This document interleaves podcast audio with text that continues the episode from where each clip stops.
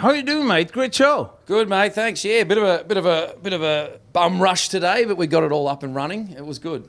I feel like it could be a longer show, though. Yeah, no, that's not up to us though. That's uh, That's true. Yeah, but no, that's why we when you're doing a headline show, you play longer. But you know, when you're the opening act, you got to cram it all into 40 minutes. Yeah, exactly. Yeah, exactly. And uh, I mean, I wasn't going to talk about it, but I will because I heard when you, in an interview with all these, because this concert is two years, as most concerts yeah, are. most concerts. Yeah, But but the interesting thing is that I heard the like lockdown in uh, Australia and Melbourne. Did you really have like flying obstacles? Not obstacles. What's it? what's yeah, like a drone. Yeah, exactly. Yeah, no, they, they is that true? Yeah, they had drones. I used to see them out front of my at the top of my balcony. It was a it has a red light on it, you know, so it has like a. Um, so you could see the little fucking thing coming across like this, and it would, and, and then we'd also have police helicopters. The police had more helicopters than usual, and they were looking for people out after eight o'clock, or if you were, uh, you know, out for more than one hour a day. So we had a curfew at eight o'clock, and then one hour of sunlight a day, and then yeah, we couldn't do anything. It was it was pretty fucked. Like the Australian government is, they're just well, they're they're just honestly stupid. Really, no, they are. No, they are because you didn't do that in Sweden, and you're fine. No, no, no. It's completely different. They just different over there in Australia, but um, that's the way it is when you're on a little island in the middle of nowhere. But of course, that must must have like gotten you in a situation that, of course, you have never been before. How did you like uh, cope with all that? Not being on tour. I mean, you're one of the bands who toured the most, kind of, and and being stuck at Melbourne. Yeah, it was. It was. Um, it, you just like everyone else, really. You kind of had to just go with it, and just sort of really just go with it. It was like this is it. This is the reality. Yeah, we were pretty bloody pissed off, you know, because we had a big tour booked. Um, you know, obviously with Iron Maiden, of course, booked back then, you know, and um, and everything. But you just sort of had to fingers crossed that they get a vaccine or there'd be a cure or something like that. But the amount you, you would drink at home or fucking, you know, like that sort of thing. But watching YouTube videos of shows in 2019 from other bands was great. Just to get, just to see crowds. It was like therapeutic to see a crowd watching a band again because even in you know when we saw like all the other industries go back live concerts was the last we were Yeah. the first to stop and the last to go back so it was um it took a long long time Weird to say the least, but most well, this affected the, the whole world. But something I've noticed is that some people took on another thing that they didn't do before. Yeah. Did you did you pitch out on anything, or did No. you just? no look i tried to explain this to people it's, it's just it's as simple as we started out very young doing this Yeah. We put everything into the show, everything into the band. All of a sudden, it's like asking a wild, like lion, to go and be tame. It's not. That's doing the other thing that you like. Whatever. We're not going to do that. We go out on stage to kill. That's what we do, and fucking play hard as we can to make the crowd get the best show possible. To go out and fucking stack bricks or something or whatever, I don't know. Like, it was no point. We're just like, no, we'll believe that rock and roll comes back. That's what we'll do. We'll just do that. Yeah. We're not going to change our stripes. You know what I mean? Like, yeah. Yeah, I like that. And I saw you at uh, well, you were at Hellfest, and I gotta ask uh, because I wasn't there, but the Lemmy statue that was up. Yeah. uh, tell me about Yeah. that because that looked pretty rad. It's a big statue of God yeah. in the uh, at, Hellfest, and um, no, it was uh, they had a big unveiling uh, unveiling of it there. Some of his ashes, Mikkey and, and Phil put some of Lemmy's ashes into the statue. Yeah, and he's here around. Yeah, uh, yeah, yeah, yeah. And um, and it was like there's just so much love for Lemmy around the world at Hellfest. At every at almost every festival we go to, there's always love for Lemmy everywhere. So he's not, you know, he's not dead at all. He's still living out there. You know. Yeah, even more. The brand is like bigger than ever. Yeah, and people like people really they really like now that he's gone. Like obviously they were respecting when he's alive, but really, really the respect for Lemmy for Motorhead is is bigger than ever. Yeah. Probably bigger than Elvis, really. Yeah, definitely. And and I saw a video that you posted uh, with uh, Matt, a DJ friend. I don't know. Uh, that oh, yeah, carried yeah. around. Yeah, yeah, yeah. that was funny because he, he he typed on that video. Like, mate, we gotta do a like a travel uh, show. Uh, Yeah. and that got me thinking: What if Airbourne did like a travel show for TV? Do you think people would travel more or less? oh, I don't know. I mean, we see a lot of the world. We see a lot of the different parts of the world. But I mean, uh, they probably travel more because they see how fun it is, you know, seeing the world again when you haven't seen the world in so long. You know, like people been locked up for forever. People are too scared to get on fucking aeroplanes and stuff. We got to do is show them footage of a concert with people going crazy and having a good time again.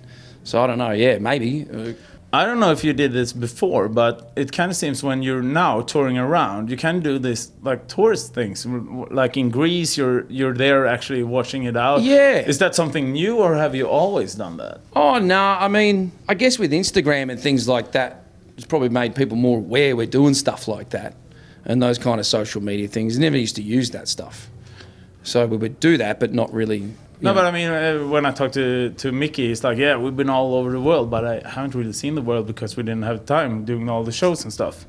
Do you take like that extra time, or or do you just have it? Uh, no, I guess definitely on this tour, we've definitely been more like instead of being hungover and not doing anything, get out and see the world. Yeah. Cause, no, because we haven't been able to see the world for two, No, three exactly. years. Yeah. So yeah, So yeah, the thing I was wondering if that kind of changed your like perspective. Absolutely, On, yeah, on, on yeah. traveling, so to speak. Yeah. yeah. And I know you're working on a new album, kind of, right? Uh, we're putting down some riffs and things, but not really a, a new album or, or anything just yet. But we are putting it together.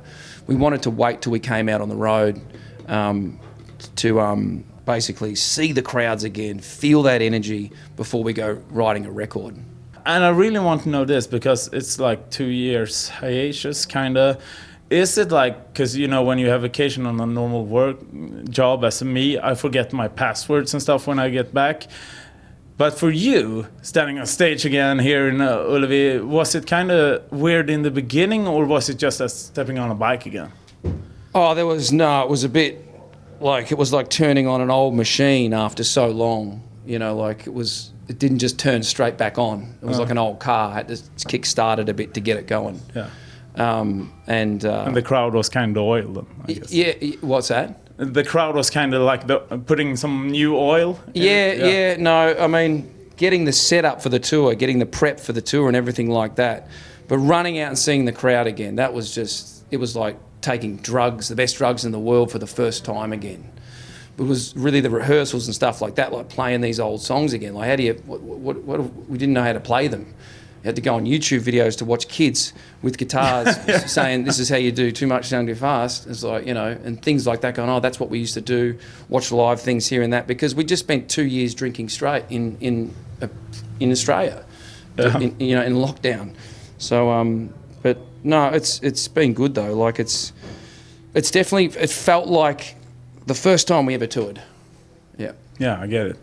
And something, uh, speaking of that, like, you know, after this pandemic, uh, the small venues has closed down because they're they broke, you know. And I want to kind of take your take on this because those venues are important for new bands starting up. Uh, and I want to know, like, do you remember how important the small venues were for you when you started up? And uh, can you tell me a little bit about that? Because there is a worry for the new bands coming up that there is won't be any venues. You you know when you start up and then you go larger and larger venues, kind of. Absolutely. Um, uh, I have ADHD, so I've got to walk around to answer this question. Yeah.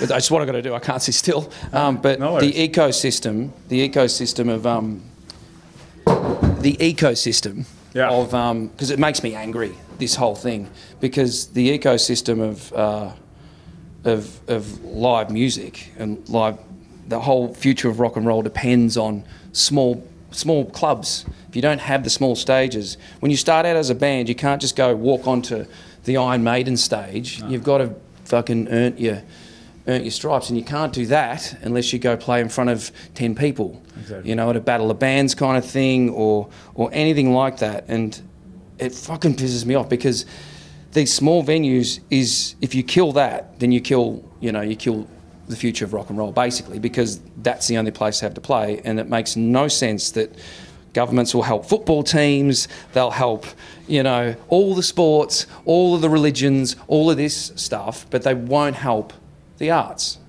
music. And if they do, it'll be violins and fucking cellos, you know, not rock and roll. Like, so the more people that get educated of the fact that if you build an apartment, you know, 12 story apartment building next to the little venue, and then it says you got to, you know, shut the venue down so a bunch of people can live up there and complain about the noise when they were there, Yeah. you know, 30 years after bands like Motorhead learnt to play in that room. You know what I mean? Like, Yeah, that's just so crap.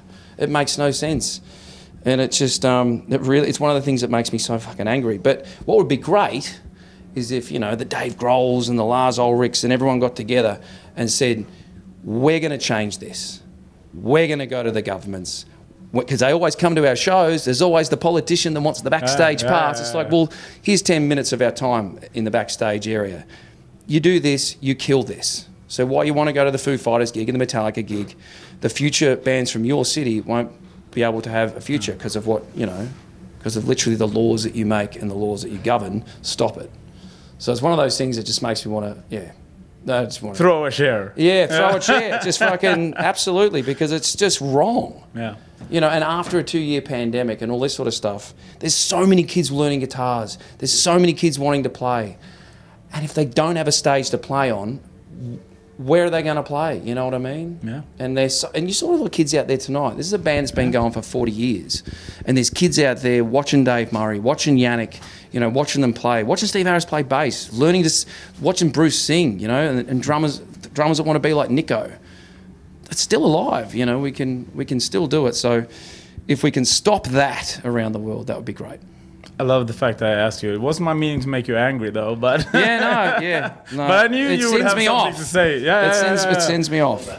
Yeah. So, so we're gonna end with a more happier note, so to Yep. speak. Because last time you were, uh, you don't remember, at uh, Rockklassiker on uh, on set with your brother. Yep. We did like, um, what does this mean, Australian? And I Oh, said yep. like, don't fuck around with spiders, and you learned me that Yep. kind of stuff. But Yep. now, as we are in Gothenburg, Yep. we're gonna try that with three Swedish words. Oh, words. good, And yep. you're gonna guess what it means. Okay. Yep. Are you ready? First one is igelkott. What do you think that is? Uh, a coat for an eagle. That's a good guess, but it's actually a hedgehog. Oh, a hedgehog. Yeah, oh, cool. Igelkott. Uh, next one is pretty funny actually. En dansk skalle. It's a hard one. Well, I know that skull means to skull, like to Yeah, yeah, cheers with a beer. So is it dancing and cheersing beers? No. It's actually about Denmark. Oh, cool. It's a headbutt, but Oh, we say wow. it's a Danish uh, headbutt. Ah, so skull. I don't know why actually, but Yeah, yeah, yeah. uh, We we blame it on the Danish, I think. Okay, last one, and this is from Gothenburg. It's Okay. uh, Gothenburg, you know, we have Hometown. different uh, dialects and stuff. Yeah, oh, Not yeah, my yeah. hometown though, but I hung out with the Gothenburgers today, so. Är du god eller? Uh, sounds like a drunk Australian. Well, they kind of are the Gothenburgs. Yeah. no, it's uh, like, uh, are, are you cool, man? Oh. Är du god eller? Oh yeah, that sounds like I'm bad cool, at man. it though. Yeah, yeah, yeah. Yeah, you cool, man. Are you cool, la la la? Exactly. Yeah. Everything good, mate? Everything Kinda good, like mate? that. Yeah. Yep. Um, is there a Gothenburger burger? Because we went to In Flames la- uh, last night Oh, to yeah, 21, those tw- tw- 2112, Yeah. and their burgers are great. If Oh yeah, because they have the restaurant. yeah, that you would be went the there. best Gothenburger burger. Yeah, yeah, yeah, yeah.